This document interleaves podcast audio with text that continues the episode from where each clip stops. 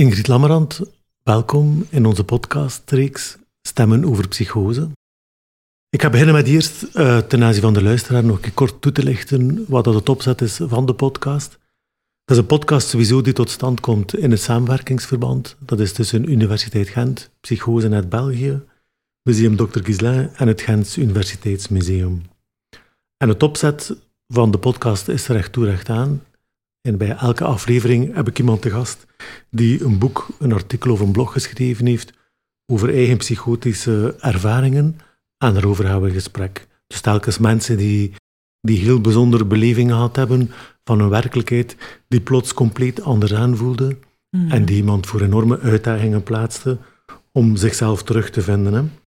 Mijn naam is Stijn van Eulen, ik ben hoogleraar klinische psychologie aan de Universiteit Gent. En vandaag is mijn gast dus Ingrid Lammerand. Ja. ja. Ingrid, ik heb jou gevraagd omdat je auteur bent van twee boeken. Dat is Welkom in mijn wereld en Psychose. Uh, tijdens de podcast vandaag gaan we daar dus op ingaan, op de boeken. En we gaan daarbij twee onderdelen hanteren. Enerzijds gaan we het hebben over wat dat psychose precies is, of precies was voor jou. Mm hoe dat dat aanvoelde. En anderzijds gaan we het ook hebben over herstel. Zijnde, wat helpt er dan om daar opnieuw bovenop te komen? En wat zijn de uitdagingen waar dat je dan eigenlijk mee te mhm. maken hebt? Hè? Zo. Ja. dan vervolgens gaan we daar meteen aan beginnen. Hè? Dus ik heb jou gevraagd, Ingrid, om twee passages te selecteren. Mhm. En dus ga ik je uitnodigen meteen om een eerste voor te lezen. Een passage over psychose. Ja, ik ga beginnen met een gedicht. Uh, dat is misschien vreemd, maar dat was het allereerste gedicht dat ik schreef in mijn allereerste opname. En het vat voor mij samen hoe ik mijn psychose ervaren heb. Dus ik ga dat voorlezen. Als psyche ken ik de onderwereld in mijzelf om de liefde terug te vinden. Dwalend in het moeras, verdrinkend in de zee, in een bootje gebouwd van hoop vaar ik op mijn onbewuste. Moed staat aan het roer. Waanzin komt boven, als een reddingsboei. De zee wint altijd. Laat alle hoop varen, zwart is alle kleur. Ja. Ik wil daar direct wel iets over ja, zeggen. Ja, graag. Uh, het belangrijkste is eigenlijk dat ik uh, het is heel frappant, vind ik, als ik dat nadien lees, mhm. dat ik daar eigenlijk in schrijf om de liefde terug te vinden, omdat dat voor mij in mijn psychoses nadien helemaal niet duidelijk was dat dat eigenlijk het belangrijkste thema was. Ja. Daar werd toen ook niet over uh, gesproken. Men dacht dat het had te maken met mijn laatste werkervaring, die was mhm. mislukt.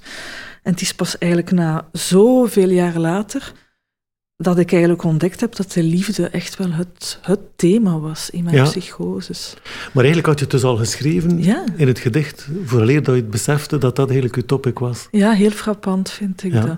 Dat in mijn allereerste gedicht staan eigenlijk alle elementen van mijn psychose en hoe ik er naar kijk eigenlijk. Ja. Amai, dat is straf. Ja, want eigenlijk het heeft te maken met een vroeger trauma rond liefde. Dat was jaren geleden, maar mhm. volgens mij was dat het belangrijkste thema, omdat ik ga op zoek naar de liefde en zo, en zo verder in mijn psychoses. Ja. Dus um, dwalend in het moeras is voor mij ook heel typisch, omdat je zo... Allee, ik was steeds op zoek naar houvasten ik was aan het ondergaan in de chaos. Daar mhm. komt het eigenlijk op neer. En ik probeerde voortdurend houvasten te, te zoeken, te vinden en van het een naar het ander.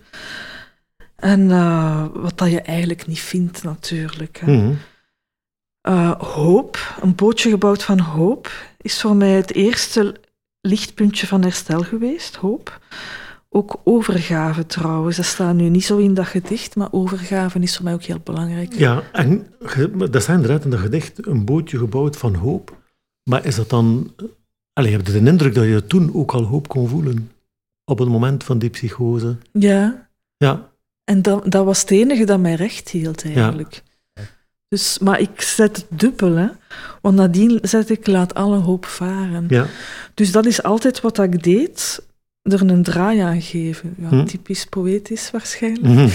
Maar er zo'n symbolische draai aan geven, want je kunt laat alle hoop varen negatief zien, Maar ik bedoelde ook alle hoop in een bootje zetten en laten varen naar Ah, wel. het vasteland. Zo had ik het ook gelezen eerst. Hè? Ja. Dus dan gezien dat het een bootje is in een moeras op de zee en laat alle hoop varen in de zin van de hoop zit in het bootje in plaats ja, van ja, ja. laat iets laten varen van we gaan het loslaten. eh, ja, inderdaad. Ja. En de laatste zin is ook zo. Hè. Zwart is alle kleur. Klinkt in eerste instantie zeer negatief. Maar als je iets van schilderen kent... Ken je iets van schilderkunst? Wel, ik, ik kijk graag naar schilderijen, maar Nog nooit zelf geschilderd. wel, laten we zeggen dat toch wel ongeveer meer dan 30 jaar geleden zal Ah, ja, zijn. ja, ja, ja, ja. Maar ik weet niet of je dat weet, maar als je alle kleuren mengt, krijg je zo'n soort donkerbruin, zwart Ja, dat was mijn specialiteit als kind. Ja. Eh, alle plakkaatverf samen doen en dan... eh, ja. Ja. dus eigenlijk in de kleur zwart zit ook alle kleur weer. Ja. Je kunt het omdraaien. hè. ja. Dus zo kan eigenlijk de grootste duisternis die eigenlijk een psychose is, keren hè? ja. naar schoonheid eigenlijk. Ja, ja, want dat lijkt mij de uitdaging daarin. Absoluut, hè. Maar was dat toen ook al, bij, eh, toen je die eerste psychotische ervaringen had, of was toen vooral het toch wel het zwart van het donkerte? Want dat- is hoe dat ik me dat nu voorstel, dat dat bij vele mensen echt eerst zo die, die heel donkere beleving is en geen perspectief. Het is eigenlijk bij mij een, een, een golfbeweging geweest. Het begon met veel kleur. Ja, Ik denk dat dat ook typisch is hoor. Dat je in het begin vooral de schoonheid ziet, eh, de dingen. Dan keren natuurlijk die, komen die angsten op. mhm. Dan zie je natuurlijk enkel het zwart. ja. Maar bij mij wisselde dat toch voortdurend. Die angsten heb ik ook nooit te lang gehad. ja. Dus ik zag altijd weer, weer altijd dat lichtpuntje. Soms op een vrij bizarre manier. Zo één kleur die dan voor mij het keerpunt was en zo. mhm. Maar eh, ja, want ik, ik schrijf ook, hè, waanzin komt boven als een reddingsboei. mhm. En zo zie ik dat ergens ook. Eh, Het is misschien een zeer bizar idee, maar ik geloof, ehm, een psychose, eh, het minste wat je kan zeggen is dat dat dingen losbreekt. En ik zat vast. Ik zat echt vast in, in, in ik was niet gelukkig enzovoort. En dat breekt het los. ja. Dus ik geloof dat dat op een bepaalde manier u redt uit dat vastzitten. Dus ik zie het als een soort verwerkingsproces ook. Ja. Mhm. heel bizar, hè? Maar eh, misschien ga ik daar te ver in, in dat denkbeeld. Ik weet het eigenlijk niet goed. Ik weet het ook niet of dat je daar te ver in gaat, maar mij klinkt dat wel zinvol ehm, om dat op die manier te bekijken. Ik bekijk het zelf ook, zo als therapeut ook wel zo, dat psychotische ervaringen, ja, veel mensen denken daarbij dat waanzin eigenlijk onzin is. Hè? En dat Mhm. daar ook niet moet naar luisteren, omdat zo mensen, de, hè, denkt men dan op een of andere manier hun verstand kwijt zijn. En dan krijg je een enorme afstand. Terwijl mijn ervaring precies ook is, dat inderdaad dat dat eerder een crisis is die zich toont. En dat eh uw expressie op dat moment misschien niet zo goed te volgen is. Mhm. Ook voor uzelf niet. Maar als je daar wel voldoende tijd geeft en ruimte laat, Mhm. en hoe probeert te beluisteren wat dat er daar gezegd wordt, dat dat wel degelijk puzzelstukjes zijn die kunnen samenvallen. Hè? Zeker, zeker. Maar nu zijn we eigenlijk al voor op het volgende fragment, denk ik. Ah, Nee. dan moeten we dat direct zien. Hè? Ja, ja. Ehm, maar misschien nog iets over, eh, je schrijft hier ook over waanzin.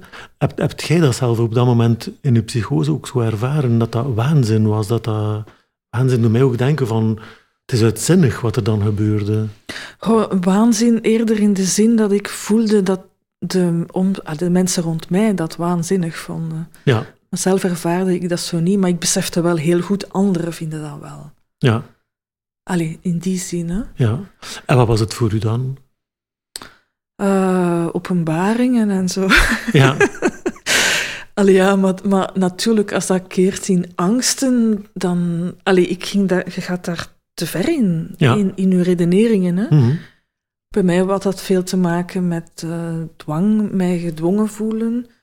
En als je dat helemaal daar te ver in gaat, ja, dan, dan zet je helemaal beïnvloed door alles. Wie zet je dan nog? Niets. Allee, dan, dan heb je enkel, dacht ik, mijn voelen is nog van mij. Niet mijn denken, niet mijn handelen, niet mijn bewegen. eh. En had jij dan een indruk dat u, uw, uw denken, uw handelen en uw bewegen, dat dat dan gedirigeerd werd door, ja, door iemand anders? Of door een instantie, of wat was het? Wel, dat veranderde voortdurend in mijn denken natuurlijk wie of wat. Ja, dat maar het voelde alles eens aan van dat gemanipuleerd werd. Ja, Ja. inderdaad. Ja. Ja. Maar ik dacht ook, dat kan ook zijn door omstandigheden, gebeurtenissen, word je ook gedirigeerd. hè? Mhm, mhm. Dus allee, het, was subtieler als bijvoorbeeld één iemand die mij manipuleerde. Hè? Ja, Maar ik had daar zeer veel schrik van. Ja. ja. Dat is eigenlijk ook een rode draad in mijn psychoses geweest. Die schrik voor... Voor gedwongen te zijn. Ja.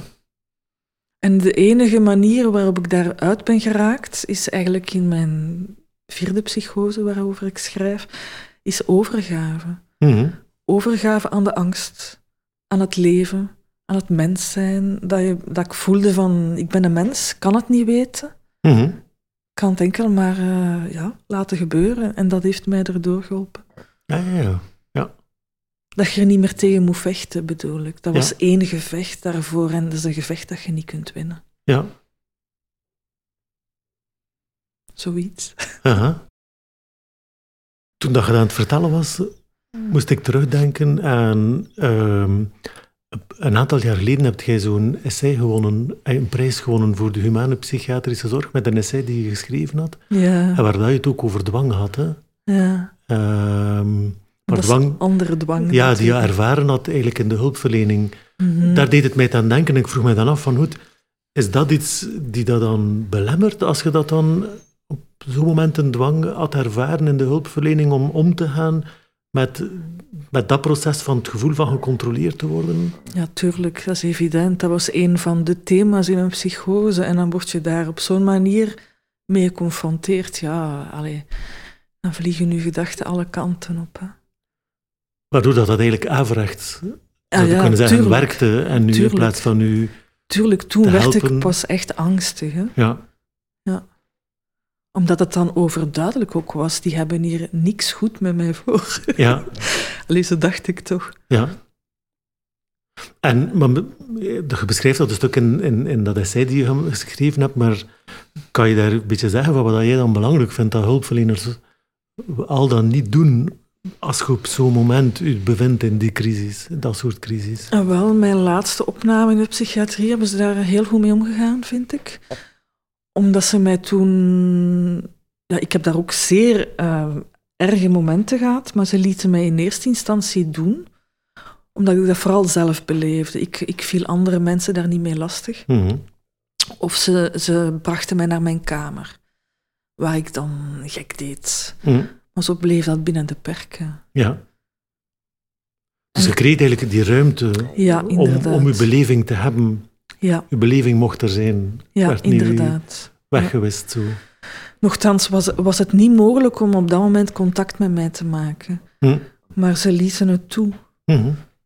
En langzaamaan konden ze wel weer contact met mij maken. Ja. Maar hoor ik daarin dat je dat inderdaad dat geapprecieerd hebt? Zeker. Dat, dat die ruimte u gegeven is, die tijd u gegeven is om, om daar zelf uw stapjes in te zetten en uw openheid een beetje te ontwikkelen daarin. Ja, en eh, ook omdat je uiteindelijk die, uit, die uitweg vindt, hè? zelf. Hè? Mhm. Allee, op, op een heel rare manier met een kleur of zo. Bij Ja. mij was dat dan. Dat was het eerste keerpunt dat mij eruit bracht. Of het besef, ik moet mij overgeven, kan niks anders. Allee, zo Ja. van die dingen. Hè? Ja.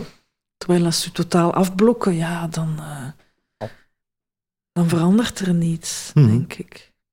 Ja. Alleen niets in wezen. Mhm. Door tijd te krijgen, kan dat ook ontstaan in uzelf. Die, allee, die openheid en die, dat gevoel krijgen met een mogelijke uitweg voor uzelf. Zeker, uw beleving is dan heel belangrijk en je bent constant op zoek hè, naar Mhm. uitwegen, uitweg uit, uit eh, de, ja, noem het maar, waanzin voor, Mhm. voor jezelf dan. Ehm, ja, en je vindt ook dingen hoor, Mhm. die dan wel weer veranderen, maar gelijk Ja. ja. goed, Ingrid, vind je het goed als, als ik nu een passage voorlees? ja, zeker. Ehm, ik, ik heb een passage genomen uit, uit uw boek Psychose. Ehm, we vinden ons op pagina 69 en daar ga ik een stuk voorlezen. Hè. Het meest typische in een psychose, voor mij toch, is de symbolische laag die de hersenen als het ware bovenop de allesziende kijk legt. Hoe ik dat nu beschrijf, klopt niet helemaal. Want alles wat ik zag, was ook bepaald door de symbolische waarde die ik aan iets gaf. Misschien zag ik wel alles, omdat alles een symbolische waarde had op dat moment, met als gevolg dat bijna niets gefilterd werd door mijn brein. Alles had betekenis, alles ging samen en alles beïnvloedde alles. Ik zal dat de symbolische kijk noemen. Hoe zag ik dan alles symbolisch? Ten eerste was ik zelf een symbool, de hoofdrolspeelster in een mythe waarin ik een missie te vervullen had, de wereld redden van de ondergang. Ik veranderde vaak van betekenis. Ik was Christus, de Heilige Geest, een dier, de liefde, een onderdeel van de atoombom, tot zelfs een onbenullig stofje. Alles wat ik zag in de realiteit interpreteerde ik in functie van dat sprookje. En ik probeerde om daar een sluitend verhaal van te maken. Als er zo te zien iets niet klopte, paste ik mijn verhaal aan. Kleuren, cijfers, woorden, voorwerpen, ik zocht overal de betekenis van. Mhm. Ja, ik vond dat een enorm ja, gebalde passage, dat er heel veel in zit. Mhm. Ehm, ja, ik ga je meteen vragen wat, dat, wat dat er voor u in zit, natuurlijk, hè, want je hebt het geschreven. Wel dat alles betekenis had hè? en ook dat, eh, die symboliek die ik overal zag. Hè? Ja, Maar echt in, in, in alles interpreteerde ik symbolisch. Dat was ook natuurlijk mijn redding. Want ik wou bijvoorbeeld eh, dingen doen ontploffen, maar ik deed het niet echt. Ik deed dat symbolisch. Ja, ja, Allee, snap je? Zo bijvoorbeeld kleuren ook. Rood was dan gevaar, maar ik wou eigenlijk juist het gevaar opzoeken. Want ik wou de dingen doen ontploffen. ja, Dus dan ging ik op de verkeersbordjes drukken van nu is het, begint het en zo. Ja. Allee, maar alles zeer symbolisch. ja. Ja. Maar ook uw, uw identiteit verandert gelijk ook. Dus gezegd, ik was Christus, de Heilige Geest, een dier, de liefde enzovoort. Ja, omdat ik zelf een, een, een, een, ook een symbool was. Ja. Eh, eh, inderdaad. En het rare is dat, dat ik zo van het ene naar het andere overstap, zonder dat eigenlijk echt te beseffen. Allee, het moest kloppen in mijn verhaal. Dat, Mhm. dat is altijd het punt. En dan Christus, dat werkte niet meer. eh, dus de Heilige Geest, die heeft toch de dingen meer in de hand. Ja. Allee, zo. Ja, Zo van die dingen. En ik wil ook wel een, een, een, een voorbeeld geven eigenlijk Ja, van graag. hoe dat. dat eh, zo heb ik bijvoorbeeld een stoffen eh, roos opgegeten op een bepaald moment. Omdat de roos is het symbool van de liefde. Mhm. En ik at dat dan op, allee, wat dat niet echt smakelijk was, maar allee, tot Mhm. daaraan toe. En dan was ik de liefde ja, door het opeten van die roos, maar ik was puur liefde geworden. En liefde moest in het hart komen. Mhm. Dan redeneerde ik, ik moest het hart opzoeken. Dus dan ging ik het middelpunt van het station opzoeken. Allee. Ja. En, en zo, zo gaat de tocht verder, eindeloos. ja. Klopt dat dan dat dat eigenlijk zo... Dat je heel sterk bezig bent met symbolissen en betekenissen, maar dat je het probeert bijna zo eenduidig en zo letterlijk mogelijk die betekenis te vatten, zo, of die betekenis te zijn op dat moment. Ja, het, het, het, dat ik die betekenis ben, dat, dat besefte ik volgens mij niet, zo, Ja. niet zozeer. Dat is pas door het nadien op te schrijven, denk ik. Ja. Maar wel dat ik overal, ja, die roos is liefde, allee, dat wel, hè? Mhm, mhm. Zeker wel. Ja. Maar ik denk dat dat vooral heel typisch is voor mijn psychoses. Ik, merk, ik merkte toch, als ik met anderen daarover sprak, dat dat toch in mindere mate was, hoor. En, en wat in minder mate bij, han- bij anderen zo. Eh, dat symbolische zien. Ja. Ook wel dingen letterlijk pakken van woorden, van tv-programma's en al die dingen. Dat is ook allemaal heel typisch, hè. Mhm. Maar bij mij, allee, alles was symboliek. Ja. Ja. Alles, dat klinkt veel, alles. Ja. Ja. ja. Bijvoorbeeld een blauwe bril dat jij nu aan hebt. Denk Mhm. dat dat blauw is, is een teken van de wijsheid enzovoort. Ja. Dat jij een wijze mens bent. Ja. En iemand met een rode bril ging ik niet aanspreken dan. Hè? Ah, ja, ja, ja. Dat ging echt ver hoor. Ja. ja. Het is eigenlijk dat je probeert, of ik probeerde toch vat te krijgen op wie is die persoon uh, door bepaalde elementen te Mhm. interpreteren. Hè? Ja. Maar het lijkt dan toch dat je ook op zoek was bijna echt zo naar de waarheid. Hè? Voorbij de oppervlakkige laag van wat er verteld wordt en dat iedereen kan observeren, ben, ben ik op zoek naar, ja, maar wat is het nu echt? De dingen, waar, het lijkt alsof dat, je- dat je psychotische ervaringen heel sterk zo de vraag daarnaar zijn. Hè? Ja, op- zoek naar het gaat ver, hè, naar het ontstaan van het heelal en zo. Hè. Ook wat is, een, wat is mens zijn? Allee, die vragen spelen enorm dan. Hè. Ja, Wat is de liefde? Wa- wa- hoe kan ik de wereld redden? Allee, dat is, dat is de meest eh, typische vraag, denk ik. Hoe kan ik de wereld redden? ja. ja, wat dat eigenlijk echt wel de vragen zijn van de mensheid, ja, ja, die, ja, ja. die je dan gewoon persoonlijk heel intensief doormaakt, hè? lijkt het? Ja, ik denk dat de wereld redden wel te maken heeft dat dat dan. eh, dat je in de eerste plaats jezelf wilt redden. Allee, moet redden, want je zegt, ik ben aan het ondergaan dan Mhm. eigenlijk. Hè. Mhm. Dus de wereld redden is weer een symbool voor ik die ten onder gaat. Ja. Maar je vertelt dat nu zo, omdat je dat nu zo kunt zien, wellicht Ja. en niet omdat je dat toen nee, zag. Ja. nee, nee, nee, toen zag ik dat natuurlijk niet. Ja. Dan is het heel reëel. Hè? Ja. Ik moet naar Engeland, want eh, ik, ik moet daar echt geraken. Want daar ga ik bepaalde mensen ontmoeten en samen kunnen we de wereld redden. En, zo. en, en zo begint die tocht, hè? je Ja. doet dat ook. Hè? Ja. Je bent dan eigenlijk super moedig. Hè? Want, want eh, allee, ik, als ik de enige ben die de wereld kan redden, dan doe je daar alles voor. Hè? ja, ja, dan rust er ook wel heel veel verantwoordelijkheid eh, op je schouders. Zo, hè? Ja. Ja, ja, ja. En de- je zei er net ook iets over, over schrijven. Hè? Mhm. Je zei van, ja, maar dat wist ik toen nog niet, maar dat is maar door te schrijven. Misschien schrijven... Allee, je hebt ook twee boeken geschreven, ja. Ehm, maar voordien heb ik begrepen van wat, wat je mij eerder al verteld hebt, was je al lang aan het schrijven. Hè? Is dat voor u iets belangrijk geweest om de, die pen ter hand te nemen of te tokkelen op uw klavier van, van, van een computer om zo met, met woorden te proberen daar organisatie in te krijgen? Ja, zeker wel. Zeker mijn eerste, eh, een onderdeel van psychose is de weg naar Engeland. Dat was echt een zoektocht voor mij naar eh, wat is de oorsprong, wat is, wa- wat is er gebeurd, Mhm. waarom is dat ook gebeurd. Het was voor mij niet duidelijk.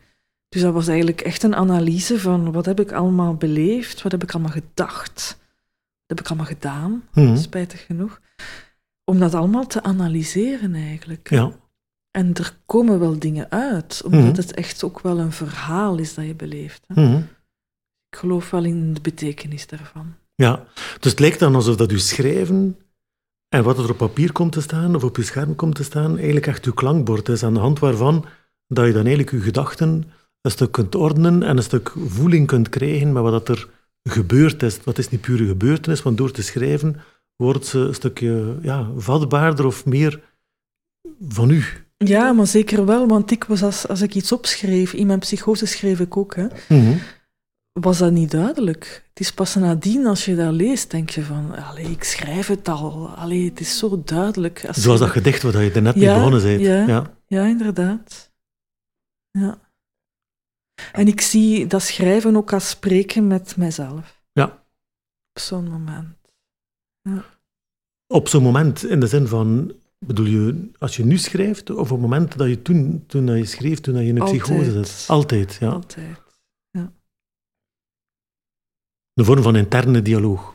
Ja, met uw innerlijk spreken eigenlijk. Hè? Ja. Ja, en zeker poëzie en zo. Hè? Maar eh, eigenlijk de twee boeken vind ik ehm, ja, spreken met, met mijzelf.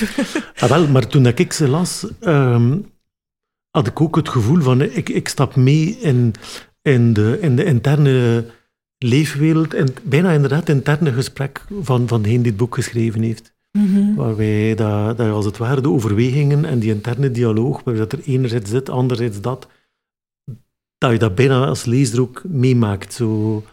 En dat vond ik wel heel bijzonder, hoe dat, Mhm. ja, hoe dat je mij meenam in het, ja, ook heel concreet van wat dat die dialoog inhoudt voor u. Ja, ja, ja. Het was ook letterlijk een reis. Ja. Dus, uh, en het tweede boek is echt wel een uitnodiging van welkom in mijn wereld. Echt wel de bedoeling was van kijk eens in mijn hoofd. Ja. Ja. Dus het schrijven ook als een, als een uitnodiging om een brug te maken naar, naar die belevingen die misschien zo moeilijk zijn om gecommuniceerd te krijgen, maar als ze op papier staan is het misschien iets makkelijker om, om, om daar dan misschien toch over te gaan babbelen. Ja, en de eerste opzet, de allereerste opzet bij mij was ook van, ik, ik wou zelf boeken lezen daarover. Hm? En ik spreek nu over 2012, er waren eigenlijk heel weinig boeken toen over betekenissen van psychoses, de inhoud. Hm. Daar werd toen ook naar mijn gevoel niet zo mee omgegaan. Hm. Dus het is daarom dat ik dat boek heb geschreven, kijk naar de inhoud, als echt een schreeuw van kijk Ja. naar de inhoud van de belevingen. Dat is voor mij superbelangrijk. Ja. Dat dat dan altijd een heel relevante boodschap blijft. Hè? Mhm. We zouden anders overgaan naar onze volgende passage. Ja, Dus ik had je ook gevraagd om een passage te selecteren over, over herstellen en, en het proces die je dan doormaakt. ja, het is misschien een vreemde keuze, ehm, omdat ik dacht dat ik eigenlijk natuur ging kiezen of spiritualiteit of zo. Omdat dat mij vooral houvast geeft. Mhm. Omdat op dat moment ben ik alle houvast kwijt, of zelfs nu nog geeft dat mij houvasten. Maar ik heb eigenlijk een, eh, een fragment, een passage gekozen over de liefde. Ja. Dus dat wil ik nu voorst- eh, voorlezen. Liefde is bij uitstek de manier om de duivel tegen te komen. De duivel in een ander, maar ook de duivel in mijzelf. Afhankelijk zijn en toch ook goede grenzen hebben, het is moeilijk. Als ik mijn grenzen laat bepalen door anderen, laat ik over me heen lopen en ben ik te afhankelijk. Kan ik de relatie met mijzelf verbeteren en zo ook de relatie met anderen? Grenzen stellen, afstand nemen en mijn schildpaddenschild dragen.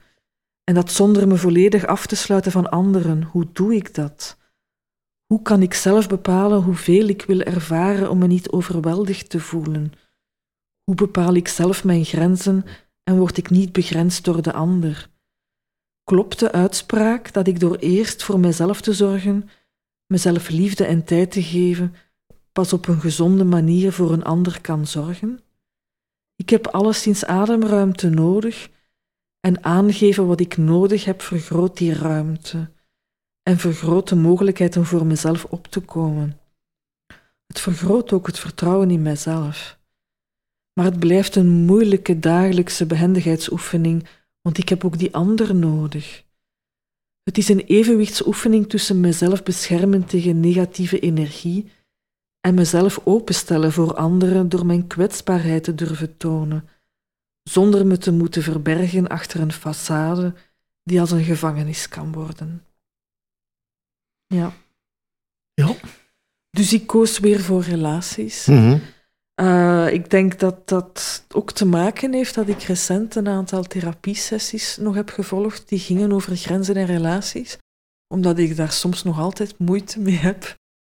Dus, uh, en dat is misschien ook een boodschap die ik wil geven. Herstel is een blijvende zoektocht. Maar ik denk dat voor iedere mens een Mhm. blijvende zoektocht is leven. Mhm. Dus um, allee, herstel is niet in één keer gedaan. Ja. Maar dat inzicht dat het gaat over relaties en de liefde bij mij, heeft wel mijn herstel bevorderd. Dus dat kan je dan ook weer zeggen. Dus het komt er bijna een stuk op neer misschien van, je moet de valkuilen waar dat jij in je leven een paar keer kopje onder gegaan bent, die moet je een beetje leren kennen en die moet je aanvoelen. Zoiets? Ja, ten eerste, ze, ze kunnen uh, duiden hè, dat dat uw valkuilen zijn. Ja. Dat ten eerste. En ten tweede denk ik dat je dan toch uh, in therapie daar rond inzichten kunt verwerven van, van hoe, hoe hanteer ik dat, hoe ga ik daarmee om, hoe leer ik gezonde grenzen te hebben in mijn geval. Ja. Ik ben daar nog mee bezig. Zo. Mm -hmm. dus, en daar dan in therapie, in de zin van dat die dialoog met een therapeut u, u helpt om daar, allee, u, ja, dat, dat voor jezelf ergens helder te krijgen. Ja, alleen, alleen al het besef dat ik uh, moeite had met grenzen. Mhm. Dat wordt dan expliciet gezegd door een therapeut. En dat Mhm. helpt gewoon. Bepaalde dingen die worden uitgesproken die voor jezelf niet zo duidelijk zijn hoor. Mhm. Ook mijn liefdesrelaties dan, hoe dat ik daarin stap. Allee, en dat zij, dat was een vrouw, mij kon zeggen van, bekijk dat toch nog eens. Je zit in een patroon van altijd op dezelfde manier in een liefdesrelatie te stappen. Eh, Mhm. Kijk daar eens anders naar en allee, van die dingen, dat helpt. Ja.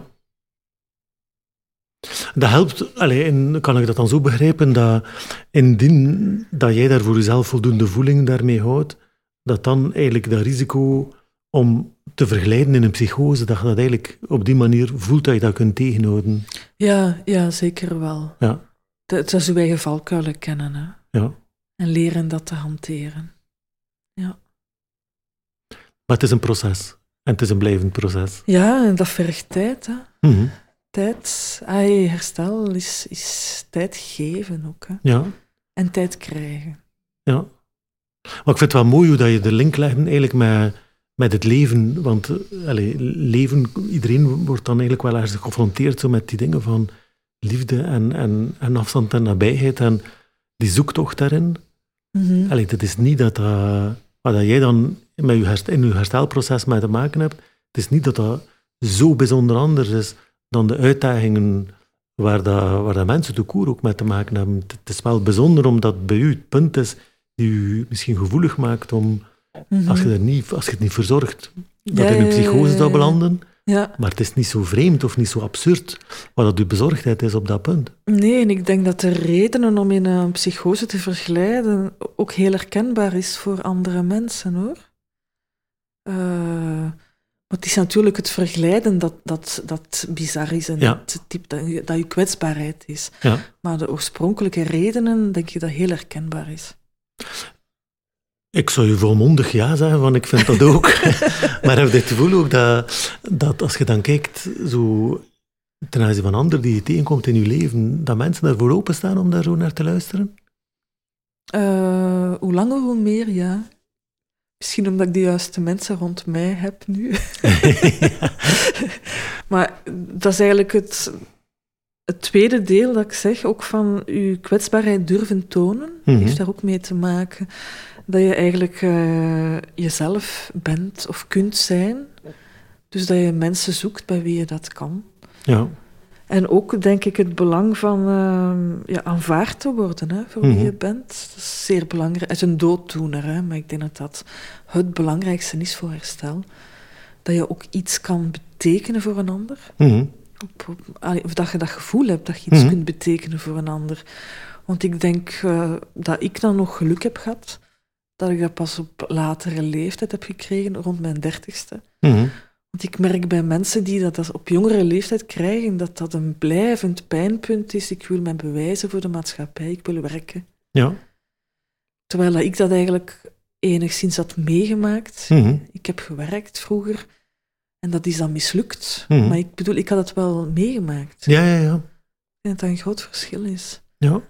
We zijn sociale wezens, hè. we Mhm. willen iets betekenen voor, voor een ander. Ja. Dus, eh, en ja, zonder moeten moeten verbergen achter een façade die als een gevangenis kan worden, dat, dat was ook waar ik ergens in vast zat, hè. Mhm. waar ik in vastliep. Mhm. Hmm. Dat ik me nu meer durf tonen, eigenlijk, zo dat ik ben. ja. En is dat dan een effect ook van daar in uw therapie rond te werken? Oh, die therapie nu onlangs waren maar drie sessies, hoor. Ja. ja. Maar heb je daar vroeger dan in een therapeutisch proces ook rond gewerkt? Of is dat eerder iets dat je door je schrijven eigenlijk voeling mee gekregen hebt? Door, door, ja, door mijn schrijven, eigenlijk. hè. Ja. Want in eerste instantie kan daar ook in komen. In, tijdens de opname werd vooral gewerkt naar, naar buiten toe. Hè? Mhm. Hoe, hoe, hoe sta je in het leven? Wat, zijn uw wensen, uw verlangens? Hoe ga je daarmee om? Ga je weer werken? Ja, nee. Zo meer praktisch Mhm. eigenlijk. Terwijl ik nood had aan, aan inzichtelijk, inhoudelijk eh, dingen. En ook hoe, hoe ik daarna ermee om ben gegaan, dat evenwicht zoeken, ik denk dat ik dat voornamelijk zelf heb gedaan. Ja. Ja. En zelf heb gedaan omdat het niet beschikbaar was, of omdat je het ook wel liever zelf deed? Misschien was het wel beschikbaar, maar had ik er het geld niet voor. Ja, ja, ja dat Om, om, om psychotherapeutisch... eh Ja. ah, het kost geld, hè. Tuurlijk. Behalve moest het beschikbaar zijn natuurlijk op de plek Ja. waar dat je daar in opname bent. Ja, maar ja, ik ben ook nooit zo lang in opname geweest. En ik snap wel dat je al een beetje beter moet zijn om daar rond te kunnen werken. Mhm. Dus ja. Ja. Maar ik heb eigenlijk ook altijd in mijn psychose zelf wel manieren gevonden om die voor mij hanteer, de, allee, het leven hanteerbaarder maakten. Hè. Mhm. Bijvoorbeeld de natuur heeft bij mij zeer veel gedaan. ja. Wel, we kunnen misschien direct nog over babbelen. Ik zou graag nu ook nog mijn stukje inbrengen rond, Ja, ja, rond ja, ja. herstellen. Ehm, en eigenlijk komt het uit het voorwoord van uw boek Psychose. Mhm. Dus ik lees voor, hè. Het klinkt vreemd, maar ik heb altijd van het woord psychose gehouden, door de betekenis die ik daar zelf aan gaf. Ik interpreteerde dat woord als een afleiding van het Franse woord osé en het Griekse woord psyche. Zo betekende psychose de ziel die durft spreken, en in afgeleide vorm de moed en de kracht hebben om diep in de ziel te kijken en de innerlijke demonen in de ogen te kijken. En dat betekent een psychose voor mij ook. Een psychose is natuurlijk in de eerste plaats een ziekte, want ik ga niet beweren dat een psychotische ervaring gezond is. Ze vervreemdt de persoon van de buitenwereld en vooral van de mensen rondom, zelfs van diegenen die dierbaar zijn. Ook voor de persoon zelf is ze een bevreemdende ervaring die veel angsten kan oproepen. Toch kan een psychose, als wat is afgezwakt, een kans zijn om diep in het innerlijk te kijken. Omdat volgens mij bij een psychose de innerlijke wereld, zelfs als die diep begraven ligt, naar boven komt en geprojecteerd wordt in de buitenwereld. De wereld is niet meer wat ze lijkt. De eigen demonen worden erin weerspiegeld. De eigen innerlijke verhalen en denkbeelden komen bovendrijven en in die wonderlijke omgeving gaat men een hoofdrol spelen als in een film. De eigen film, het eigen verhaal. Dat verhaal is meestal onbegrijpelijk voor een ander en vaak ook voor de persoon zelf op dat moment. Maar volgens mij verraadt de inhoud van een psychose veel over de persoon als men daar met gevoel, intuïtie en verstand naar kijkt. De eigen waarheid komt zo aan het licht. Mhm. Dat is de passage die ik graag wil voorlezen. En het sluit een beetje aan natuurlijk bij het gedicht die jij ook al voorgelezen had, hè? Mhm. waar dat je nog één woordje, waar we het nog niet over gehad hebben. Daar, daar zei je van, ik vaar op mijn onbewuste. En hier geef je zo aan van, ja, het zijn ergens je eigen demonen waar dat je mee te Mhm. maken hebt. En er zit iets van een oplossing in het voeling krijgen met die, die eigen demonen. Hè. Het is in je ziel kijken, schrijft je hier. Mhm. Ehm, in je innerlijk kijken. Op zoek naar eigenlijk eh, eh, zwakke plekken. Hè? Eh, al ja, zelfs eventuele trauma's die je gehad hebt. Hè? Dat, Ja. dat laat sporen na in, in het diepste van je ziel. Hè? Mhm. Dus daarnaar kunnen kijken ook. Ja. En een psychose is, is voor mij ook een, een manier om daarnaar te kijken, omdat dat niet expliciet is. Mhm. Dat is op een zachte manier. Allee, het klinkt raar. het is in de vorm van een verhaal. ja, ja. Ja, Dus dat is zeer zacht om naar te kijken, ja. die verhaalvorm. Terwijl dat die verhalenvorm ook antwoorden biedt. Ja. Maar het wordt niet woordelijk uitgesproken. Het is dat ik wil zeggen. Ja. eigenlijk. ja. Het is eigenlijk in een belevingswereld dat die topics naar buiten komen, of naar boven komen, zo. Hè? Ja, Ja. ja. Ja, zoals een sprookje. Ja. Zo, hè. Ja, ja, zo, zo noem je het ook. Hè? Mhm.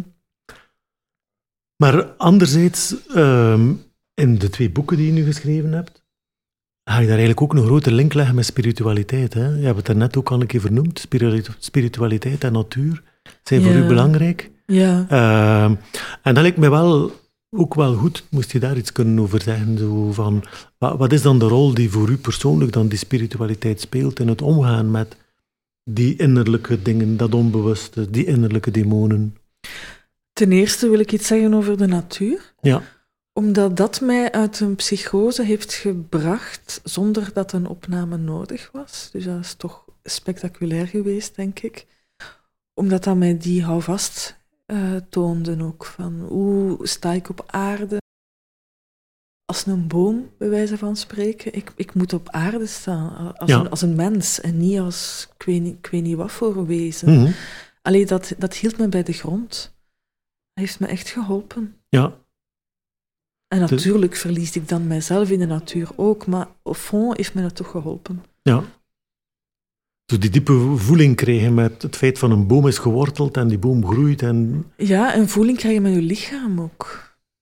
Ja. Dat is iets dat ik ook altijd verlies. Hè? Ja. Dat ik meer in mijn hoofd ga leven eigenlijk. En terug voeling krijgen met gewone dingen, dagelijkse dingen als eten, uw lichaamsbeleving, zo'n dingen. Ja. Zeer belangrijk.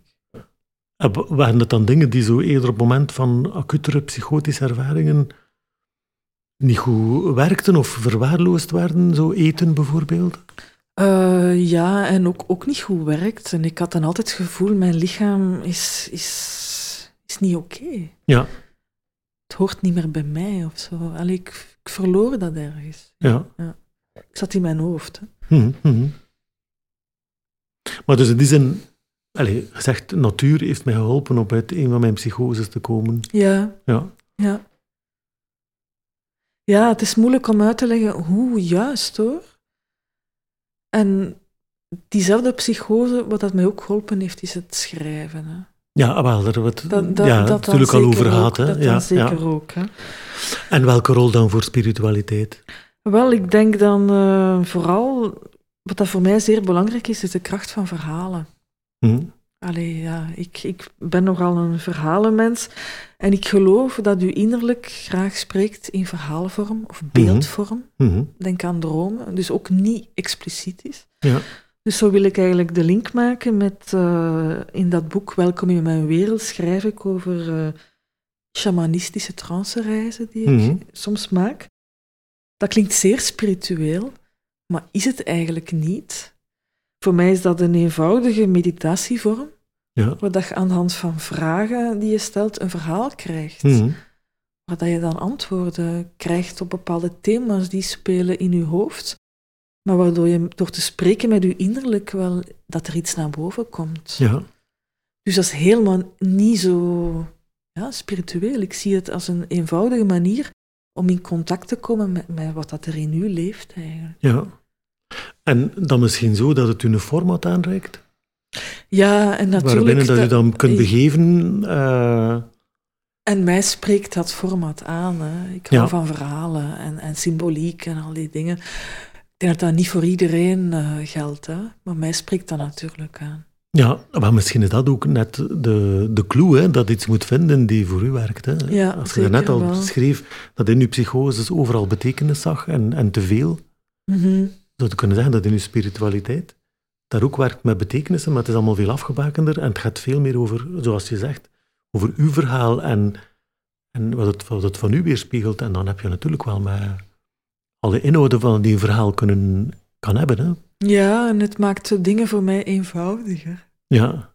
Misschien ook raar, maar ik bedoel daarmee zo... Allee, als ik vol met twijfels zit over iets of ik verlies mezelf in een of andere kwestie, dan leg ik gewoon een kaartje. Ja. en dat is dan een manier, een, een, een blik mm -hmm. die ik werp daarop. En dat vereenvoudigt gewoon de dingen en dat kalmeert mij. Ja. Is het dan een kaartje omdat je dan vervolgens een gedachte, een, kunnen er gedachten komen en met die gedachten kunnen dan verder? Ja, maar dat is vooral een, een, een verenging van mijn gedachten, een focus. Ja. Ja, ja. In plaats van te veel gedachten. Dan focus ik, dan kijk ik naar de vraag op die manier, mm -hmm. aan de hand van dat kaartje. Ja. ja. Zoiets. Ja. ja. Dus eigenlijk om de dingen te vereenvoudigen. Ja. Wanneer je jezelf hou vast te vinden eigenlijk. Ja. Dat is voor mij zo belangrijk, ja. Goed, Ingrid. Um, ik denk dat we ongeveer op het einde van ons gesprek gekomen zijn. Is er nog iets specifiek dat jij graag wil inbrengen? Uh, nee, ik denk dat ik het voornaamste gezegd heb. Oké, dan, dan rest mij enkel om jou te danken. Hè. Te danken eerst en vooral om deze twee hele boeiende boeken te schrijven, mm die zeker een aanrader zijn voor iedereen met een interesse in psychose, of die zelf ervaringen heeft en, en daar een uitweg in zoekt. En bedankt ook om hier zo openhartig over te spreken vandaag. Dank u wel en bedankt om mij uit te nodigen. Graag gedaan. Ja.